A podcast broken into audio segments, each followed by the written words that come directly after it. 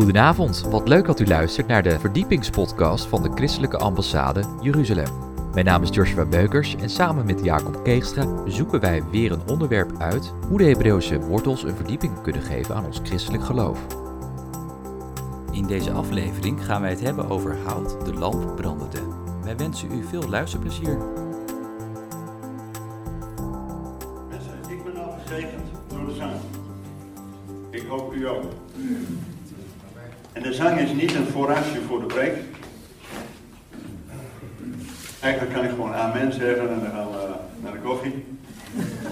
Want alles in de zang is al aangestipt wat in de preek nog iets wordt verduidelijkt. Ik vind het altijd zo bemoedigend dat Gods geest op een of andere manier werkt dat wat de zangleider heeft voorbereid, wat ik heb voorbereid en waar u mee zit. Dat het op een of andere manier samenkomt en dat we door deze samenkomst tot eer van God mogen leven. Want de hamvraag is natuurlijk, en dat was ook al in het openingsgebed, er is wel eens wat vermoeidheid ook onder ons als gelovigen. Laat nou de preek gaan over hout de lamp brandende. In zo'n lied van tot aan die dag, daar gaan we het over hebben. En hoor hoe Zion zingt. En wat zingt. Het geldt nog wel. Uh, ja. dat is niet erg voor mij, maar uh, voor alles.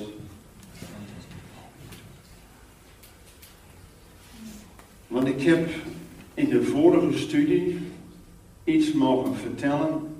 De drie dingen die Jezus expliciet aangeeft.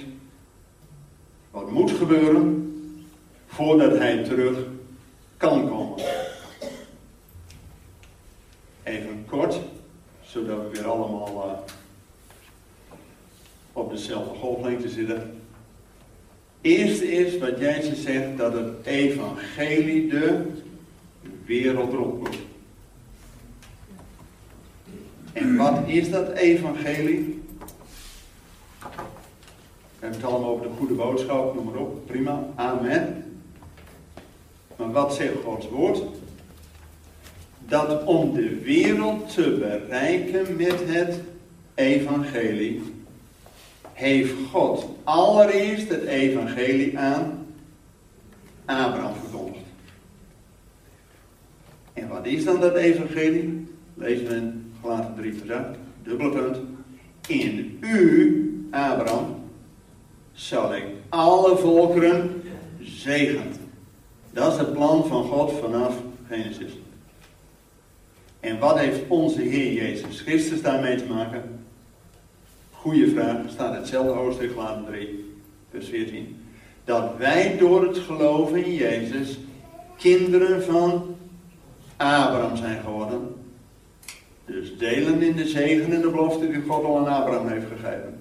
En dat wij de belofte van de geest zouden ontvangen. Amen.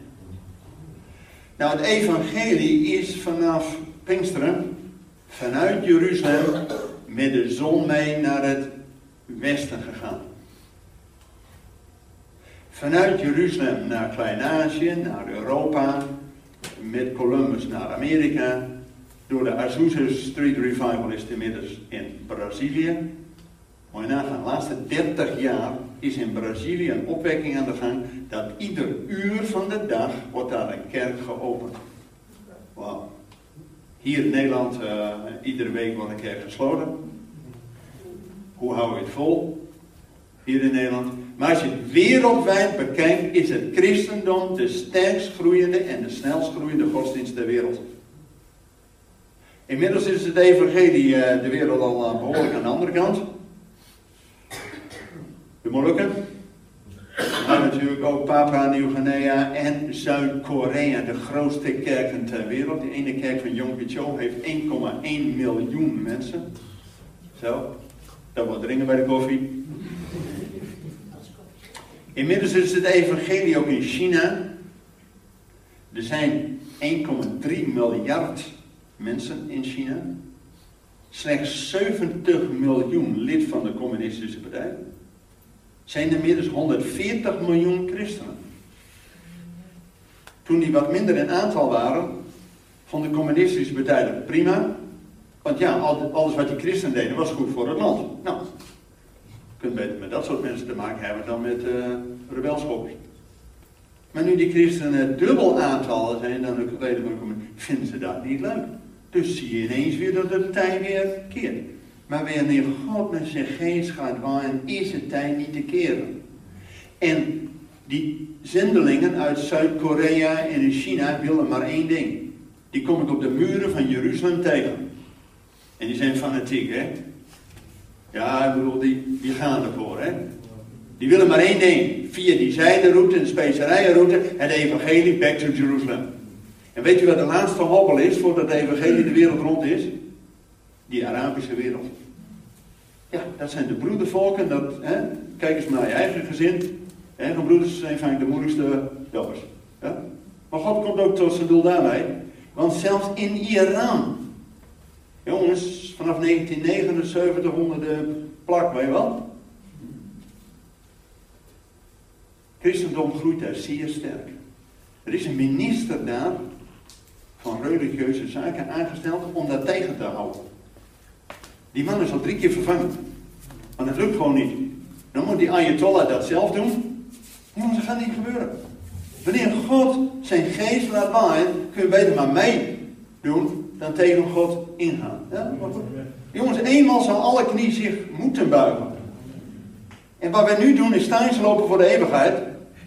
Ja, we kunnen beter nu alvast maar de knie buigen. Ja, maar ook daar zullen. Dus dat komt. Dus het evangelie is bijna de wereld rond. Voorwaarde 1. Voorwaarde 2. Je kunt het bandje luisteren voor de hele uitgebreide preek, maar even kort. Waar God zegt, ik zal mijn volk verstrooien.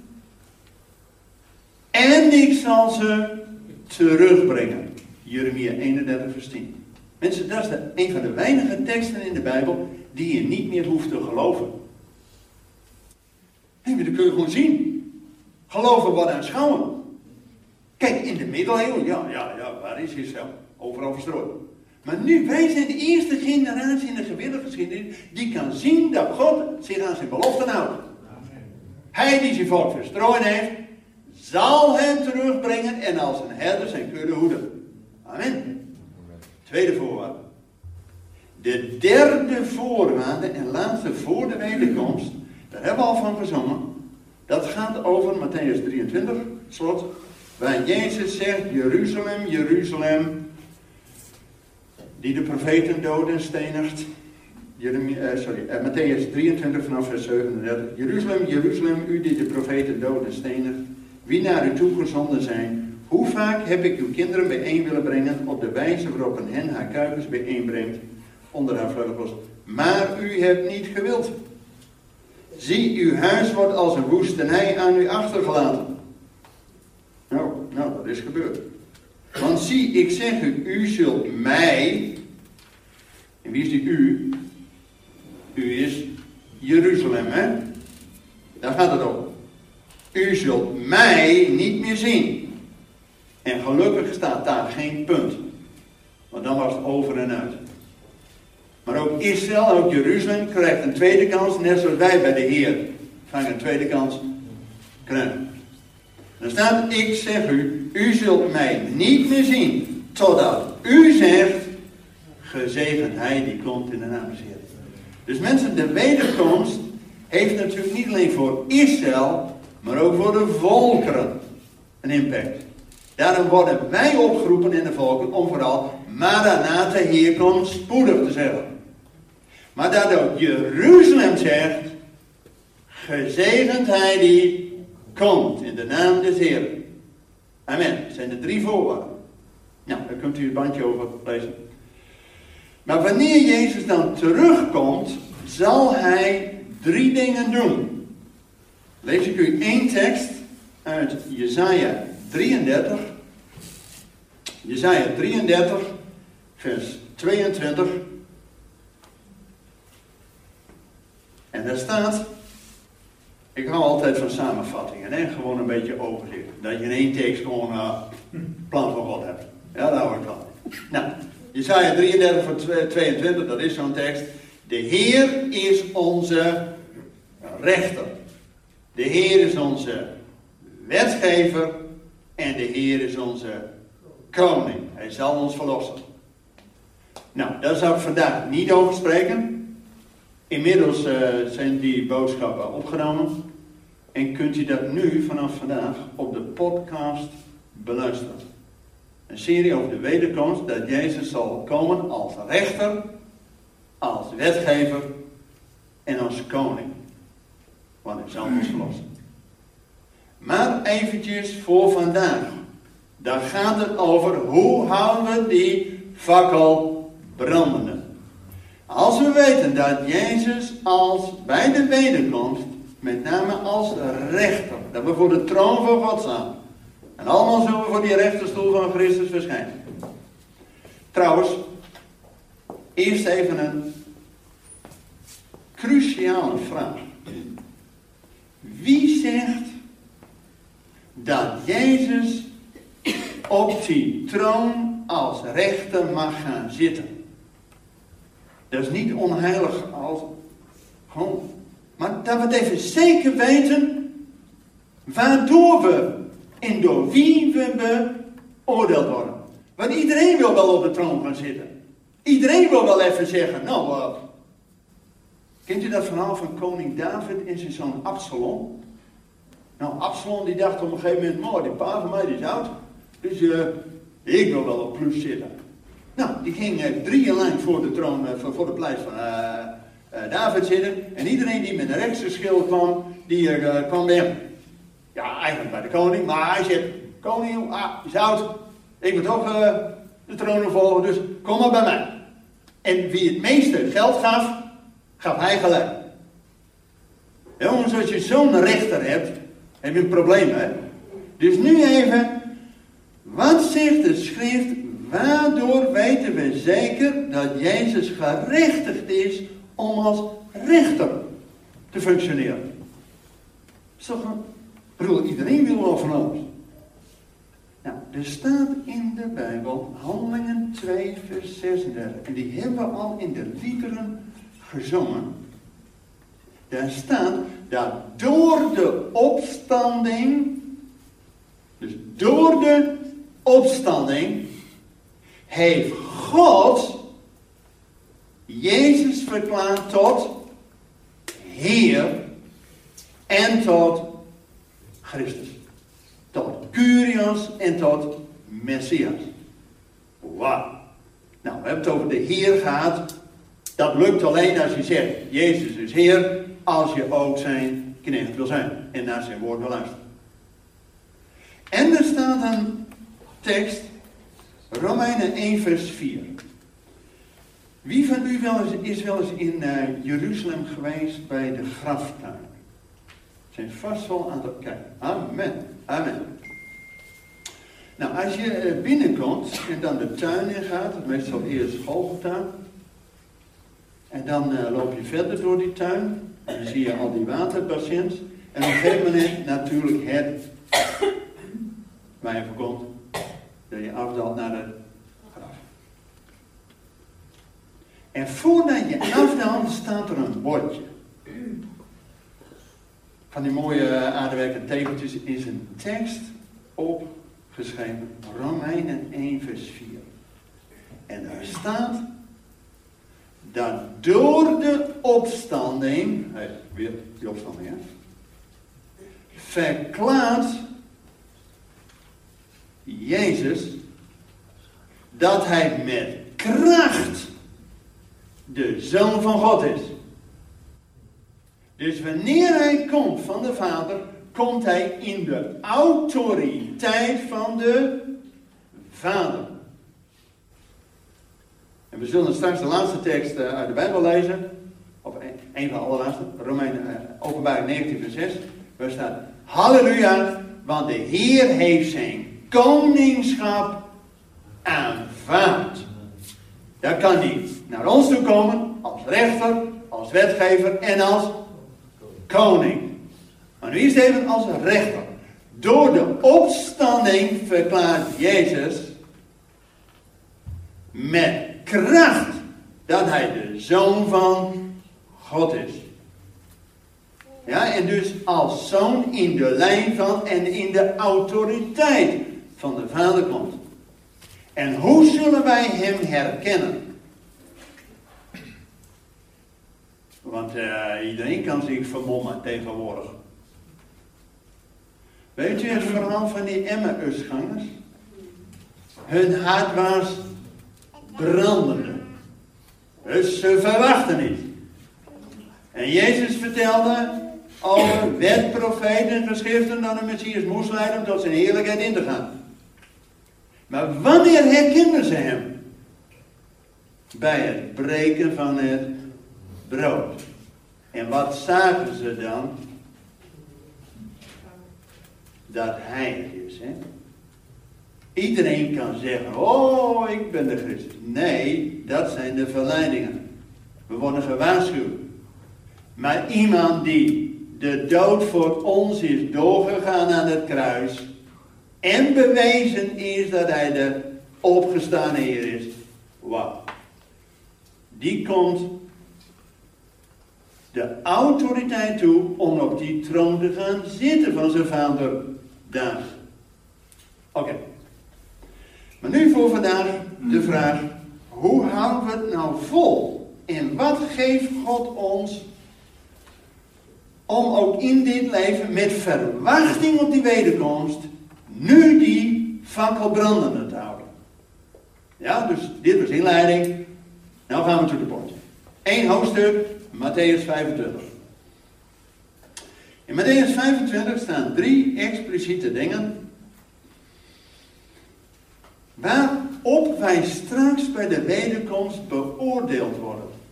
Maar waar Jezus nu al ons de handreiking voor geeft. In Matthäus 25 staan er drie onderdelen. En ik begin even in het midden. Dat gaat over de talenten. En uh, Matthäus 25, vers 14, er staat: Want het is als iemand die naar het buitenland ging. Dus iemand die ver weg ging. Ja? En zijn eigen slaven bij zich riep. En dan gaat weer over die dienstknechten. Hè? En hun zijn bezittingen toevertrouwen. En aan de een gaf hij vijf talenten, aan de twee en de derde één. Ieder naar zijn bekwaamheid en hij reisde af. Oké. Dus, je ziet het beeld, onze Heer heeft ons iets gegeven en hij is naar een ver land gegaan. Wij zien dat horizontaal. Maar bij Jezus mag je dat ook verticaal zien. Dat hij naar de, met de hemel vaart naar de hemel is. Om wat te doen? Om zijn koninklijke waardigheid uit de hand van de Allerhoogste. En wie is dat? God zelf die tegelijk zijn vader. Oké. Nou, u kent het verhaal over die talenten. En misschien spreekt het u aan vanochtend. Als God u van alles en nog wat gegeven heeft. Die gaven en talenten mag je ontwikkelen. Je mag daar ook mee oefenen. Maar God wil ook dat je ze gaat gebruiken.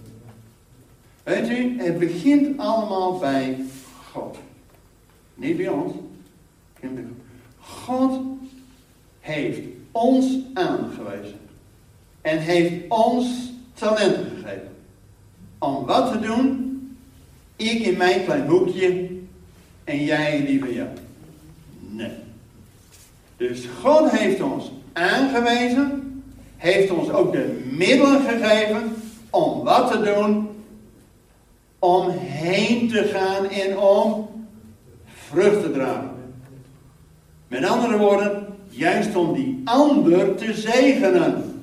Weet je wel, Abraham was geroepen om heen te gaan om tot zegen te zijn voor alle volken. En wij krijgen de herkansing dat we ook door Jezus zijn aangewezen talent, gaven talent hebben gekregen om tot zegen te zijn. Zodat God erdoor verheerlijk wordt. En wat zet nou die driehoek in beweging tussen God, wij en die ander?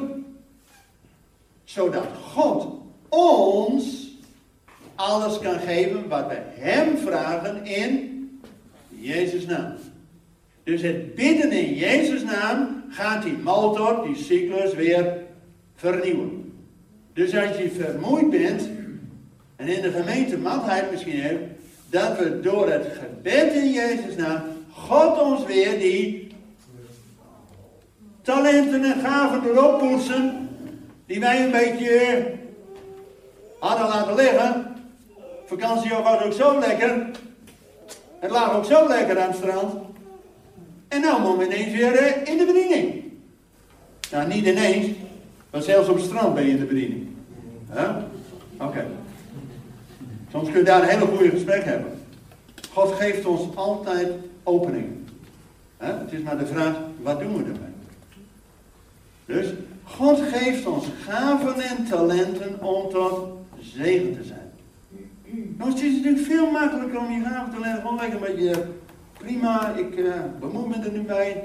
Nee, God wil dat we uit die comfortzone, dat we gewoon dat gebruiken. Nou, misschien is het tot, laten we zeggen, openbaring voor sommigen. Maar iedere keer als ik tot u spreek, spreken de drie tot mij, hè. En ook, voor mij, je moet altijd blijven leren. Het woord van God is nooit, nee, zodra je op de automatische piloot gaat, je moet iedere keer weer leren. En Gods woord, ja, het openen van uw woord verspreidt licht. Dat licht, dat brandende mag houden, dan verlicht het ook voor jezelf. Ja toch? Oké. Maar dan gaan we naar het eerste onderdeel in Matthäus 25. Kijk, die talenten is nog vooral voor het individu. God geeft ons individueel, dus God heeft ons ook individueel op het oog. En we zijn natuurlijk altijd jaloers. Oh, heer, die ander heeft zoveel gaven en talenten. Ik Ja, kent u dat? Je mag je uitstrekken. En je mag ook fouten maken. En wellicht gaat God je nog meer in een bediening plaatsen dan had je ooit gedacht Ik vond spreekbeurten op de middelbare school het ergste wat er was. En een week buikpijn. Herkent u dat? Nou. En dat bent nooit. Zit je daar? Heb je voorbereid? Je weet niet precies wat God je laat zeggen. Pas wanneer je in de bediening staat, krijg je van God de bevestiging. Dit is goed om hierover te spreken. Zodra je daar zit, ben je al. Ja, kent u dat?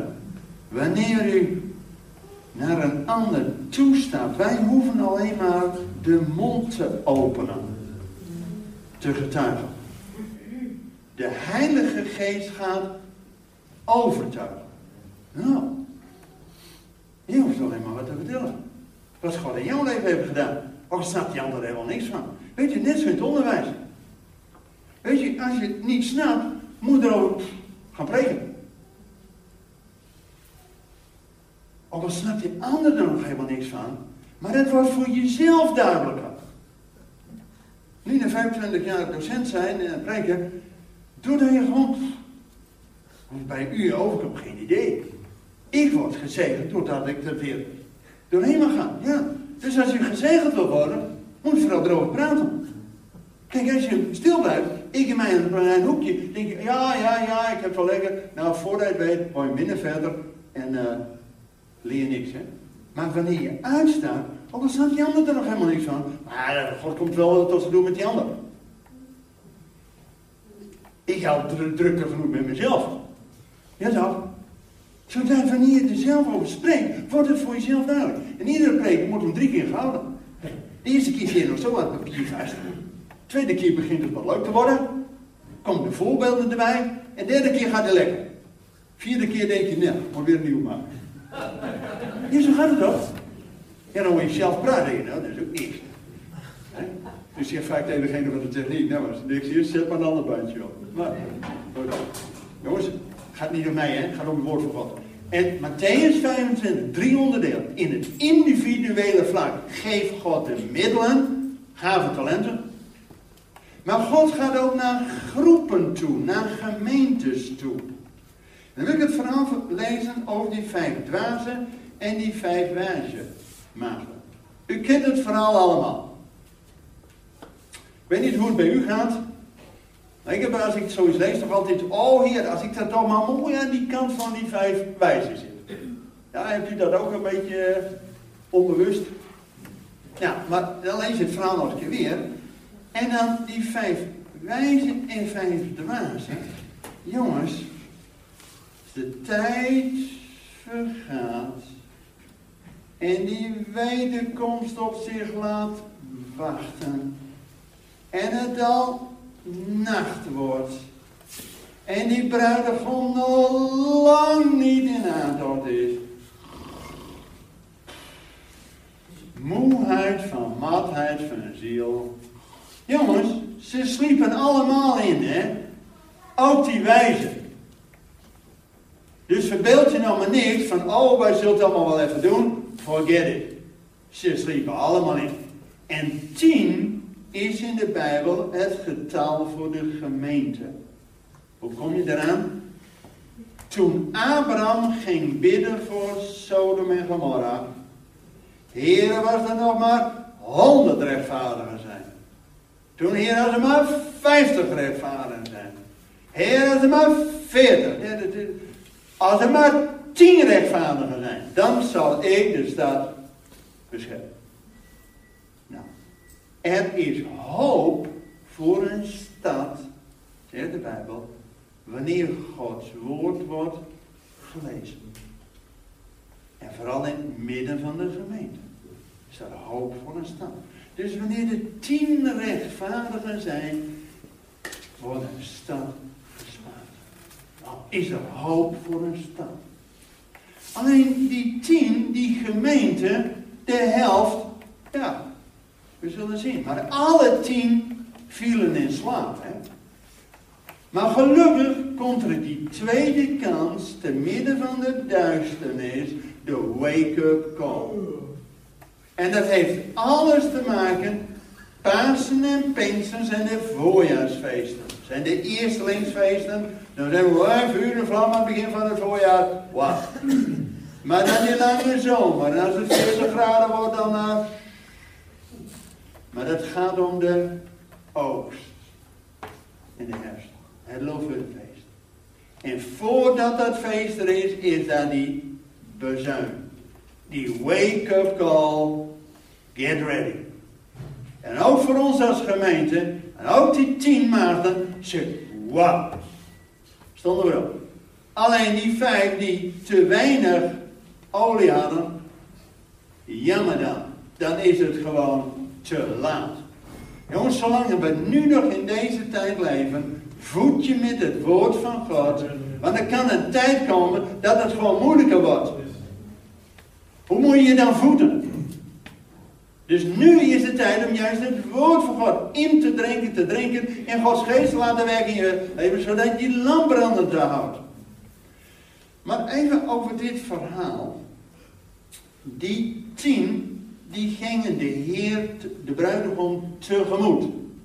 Horizontaal. En zodra die wake-up call en die bruidegom kwam, ging die, die vijf wijzen met hem naar de staat in, in de bruiloftzaal in. Om wat te doen? Bruiloft van het lam en de maaltijd des Heren. Ja?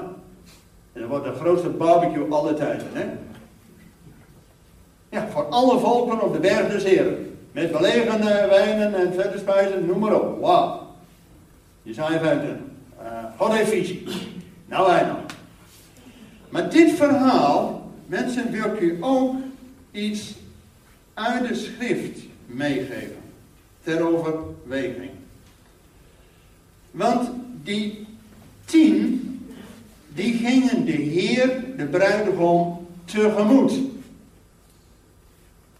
Zo zullen wij ook bij de wederkomst de Heer tegemoet gaan.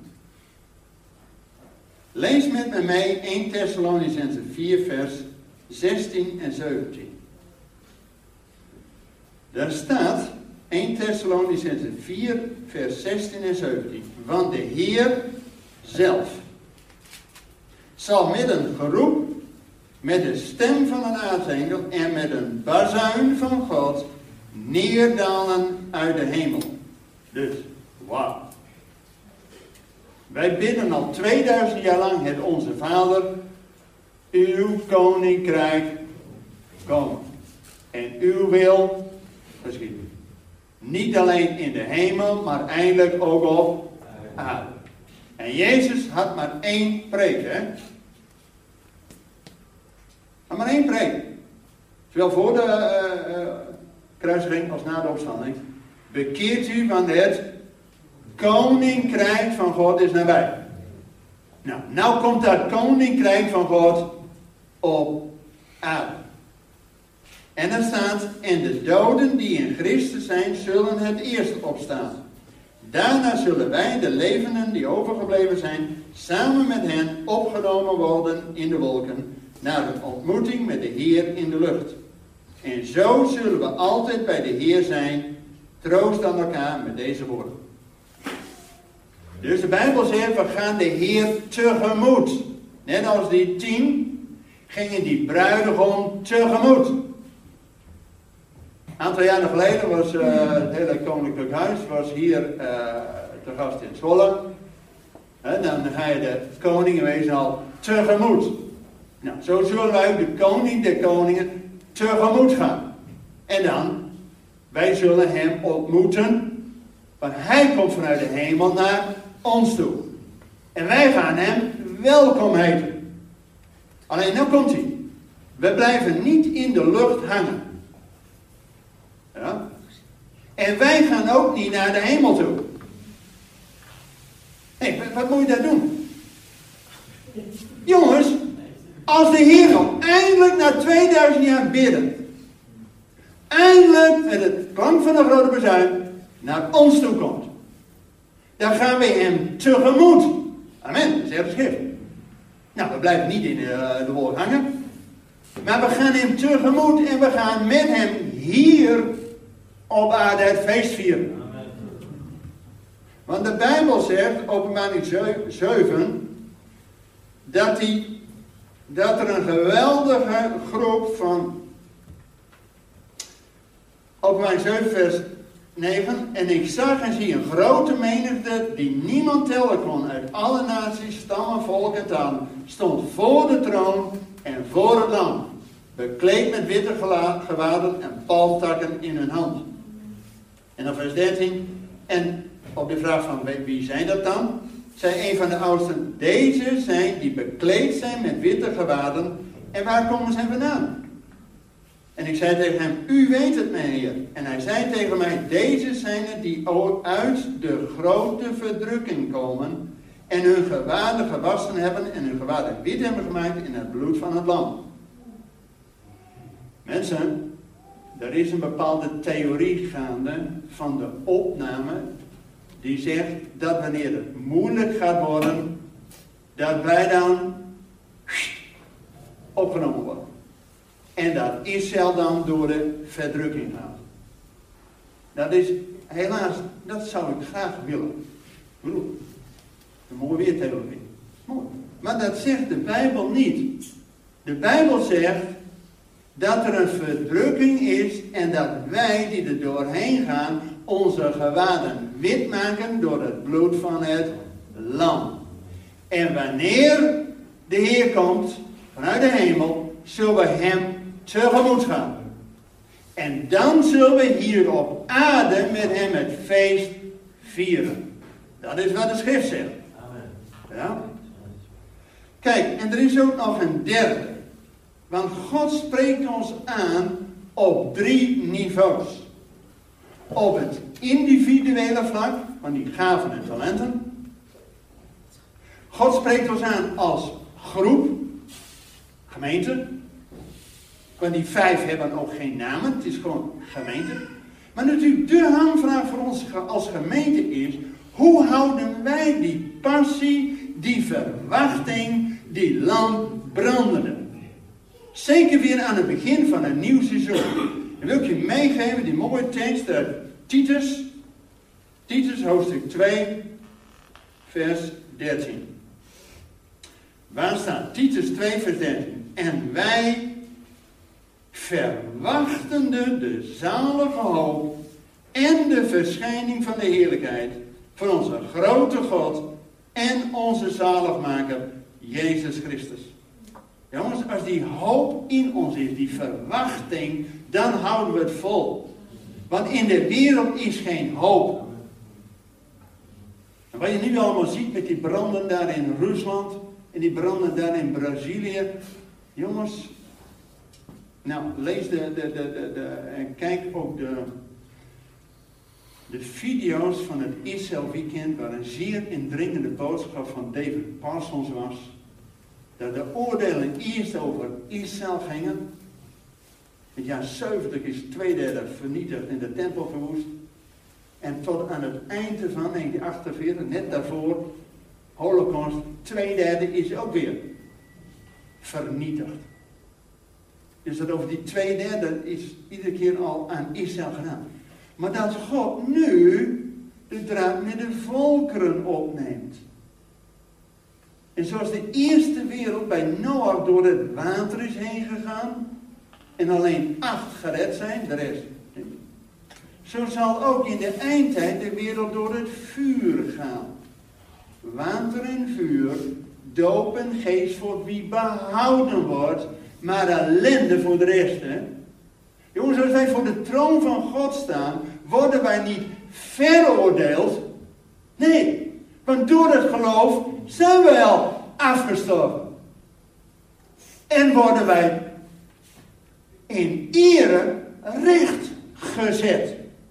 Dan krijgen wij ook een koninklijke positie. Wauw, als dat geen hoop is. Maar de wereld, ja, die wacht al oordeel. Ja, helaas. Maar God geeft die oordelen niet omdat God wil dat iedereen verloren gaat. Nee, maar dat men zich bekeert en tot berouw komt en ook de Heer gaat dienen. Dat is wat Gods plan is. Daarom geeft God correcties, oordeel, noem maar op, ziekte, noem maar op, om zich tot hem te keren. Nou, de derde en laatste, niet alleen het individuele niveau van talenten, niet alleen het, de groep, de, de, de, de gemeente, en ga natuurlijk vooral bij een gemeente waar die lamp brandend is. Hè? Die de verwachting op de wederkomst brandende houdt. Maar er zijn ook helaas gemeentes waar nooit over de eindtijd in Israël en de wederkomst gesproken wordt. Hoe hou je het dan vol? Jongens, Psalm 2 zegt, waarom voelden de volkeren de zinnende nationale bijbelheid? Nou, met andere woorden, als alleen maar naar nationaal kijkt, dan word je hopeloos. Maar hij die in de hemel troont, die lacht erom. Want hij heeft zijn gezalfde over Sion. En die komt op zijn tijd. Daarom mogen we dat voorbereiden. Maar we mogen die verwachting vasthouden. Nou, en dat gaat ook naast individueel, naast gemeentegroep, maar ook op nationaal niveau. Dat is het laatste onderdeel in datzelfde hoofdstuk, Matthäus 25. En dat staat in vers 31. Vers 31 van datzelfde Matthäus 25. En er staat wanneer, er staat niet als, nee, er staat wanneer. Kijk, als er staat als, als, als, nou dan weet je niet was het nog een keer gaat gebeuren. Maar hier staat gewoon wanneer. Dus het komt, alleen de tijd weten we nog niet. Wanneer de Zoon des Mensen komen zal in zijn heerlijkheid en alle heilige engelen met hem, dan zal hij zitten op de troon van zijn heerlijkheid. En voor hem zullen al de volken meegebracht worden. En hij zal ze van, van elkaar scheiden, zoals een herder de schapen van de bokken scheidt. Dus die schapen en bokken, dat gaat over volkeren. En de Bijbel is heel duidelijk hoe die volkeren beoordeeld worden. Weet u wat de toetssteen is, waar Jezus die volkeren naar toetst, naar rechts? Hoe zij, die volkeren, met zijn volk Israël zijn omgegaan. En hoe ze met zijn land zijn omgegaan. Mensen, Nederland was tot 79 pro-Israël. Moet je nagaan, in 1948, ja, lukt het allemaal nog? Ik zie wat mensen lopen. In 1948, toen de staat Israël ontstond, en uh, David Ben Gurion de eerste socialistische premier van Israël was, toen belde onze vader Tidrees hem op. Gefeliciteerd. Want tenslotte ook uh, bij de socialisten. En Drees zei, als ik jullie kan helpen, dan doe ik het. Want Drees had in de oorlog gewoond in de Jordaan. En had gezien dat Nederland zelfs meehielp om de Joden. Hitler loofde per persoon een tientje uit. Nou, er waren een hoop Nederlanders die uh, om de poen was een hoop te doen. Dat deed Hitler allemaal niet zelf. Hij hing de wars voor en die Nederlanders die doken er wat. Jongens, Nederland heeft het hoogste percentage van Joden die zijn weggevoerd, hè? 96%. Als je in Yad Vashem komt, dan schaam je je diep als Nederlander. Na de oorlog hebben we iets geleerd. Maar het is een vraag, hoe lang? In 1973, Yom Kippur-oorlog, hadden we een socialist als minister van Defensie.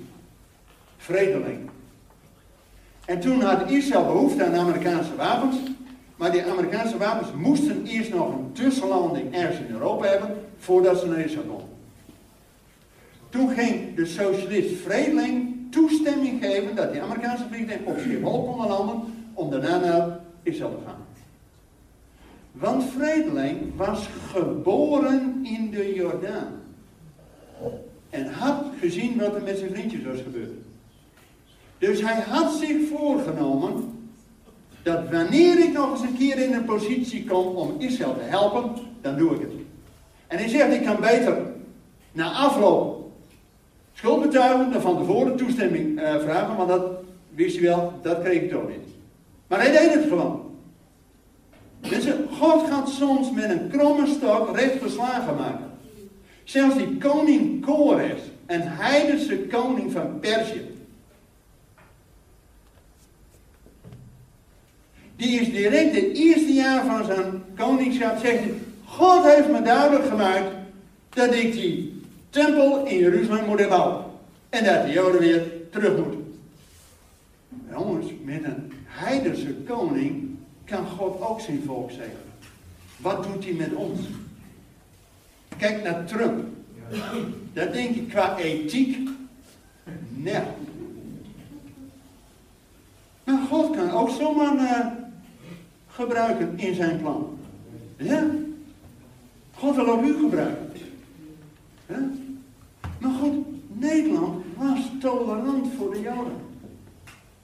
1492, toen de Joden uit Spanje moesten, nou, ze waren welkom in Nederland. Was onze gouden eeuw, hè? Is nog gekomen. Kun je gewoon letterlijk terugkijken. Nu zijn we tolerant voor van alles en nog wat. Maar die mensen uit het Midden-Oosten die nu komen, hebben ook een vorm van antisemitisme bij zich. Weet u dat de opperrabijn van Nederland, die ken ik toevallig wel. Nou ja, goed, dan hebben we een gesprek mee. En zei, hij durft niet meer met het openbaar vervoer te gaan. Als hij over de Dam loopt in Amsterdam, waar iedere dag zo'n stand van de BDS is, dan zegt de politie tegen die rabbijn, u provoceert. Moet eens kijken hoe, hoe we het omgedraaid hebben. Zo gaan we het recht vaak omdraaien. Maar er komt straks een rechter die de dingen recht gaat zetten. Mensen, we worden straks voor de troon van Christus geleid. En al die volken die kunnen voor zijn troon zijn. En daarom moet het evangelie de wereld rond Want het kan natuurlijk niet zo zijn dat wanneer al die volken voor zijn troon zijn en dat er eens een volk zegt, nou, leuk dat u er bent. Maar wie bent u? Ik bedoel, dat kan niet. Daarom gaat het evangelie de wereld rond. Maar tegelijk ook dat ook Jeruzalem zegt, gezegend hij die komt. Dus dat betekent ook dat Israël nog wel wat moet leren. En daarom bidden wij voor Israël, voor de vrede van Jeruzalem. Dat ze niet op eigen kracht en op eigen wapens gaan rusten. Maar uiteindelijk maar één ding kunnen doen. Net als Petrus toen hij in de, door zakte. Heer help. Wanneer ook Israël zegt, Heer help. Weet je wat dat in Hebreeuws is? God red. Yeshua. Wauw. Wanneer ook Israël zegt, Yeshua. Dan komt die God reddender. Want de verlosser zal naar Sion komen. En zal vanuit Sion komen. Wauw. Zullen we daartoe bidden? Mag ik u? Bedankt voor het luisteren naar deze verdiepingspodcast van de ICEJ. Waardeert u onze podcast? Steun ons dan met een donatie of ga naar onze website icej.nl. Volgende week weer een nieuwe aflevering van deze christelijke podcast. We gaan het dan hebben over Mozes en de Torah. Ik hoop dan dat u wederom naar ons gaat luisteren. Hartelijk bedankt voor het luisteren en tot volgende week.